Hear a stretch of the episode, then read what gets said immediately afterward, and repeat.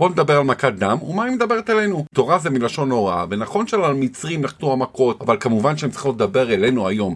מסביר הרבי מלובביץ'. קודם כל מצרים זה מלשון מיצרים והגבלות שבתוכנו, ועלינו לצאת ממצרים, משמע מהמיצרים של עצמנו, ומה שמגביל אותנו. מים זה סמל הקירות, ואדם זה סמל הרתיחות, חום. המכה הראשונה שהכה הקדוש ברוך הוא את מצרים, כלומר התחלת היציאה ממצרים, הייתה הפיכת המים לדם. הפיכת הקירות לחמימות. כאן הוא בעבודת הרוחנית של אדם. מיד שהוא מבקש לצאת ממצרים עם יצרי הגוף והנפש הבהמית, יש צורך כצעד ראשון להפוך את המים, הקירות והאדישות לענייני תורה ומצוות לדם, לחום, בהתלהבות דקדושה. הקירות, האדישות לתורה ולמצוות טומנת בחובה סכנה עצומה. היא עלולה להביא להידרדרות חמורה ביותר.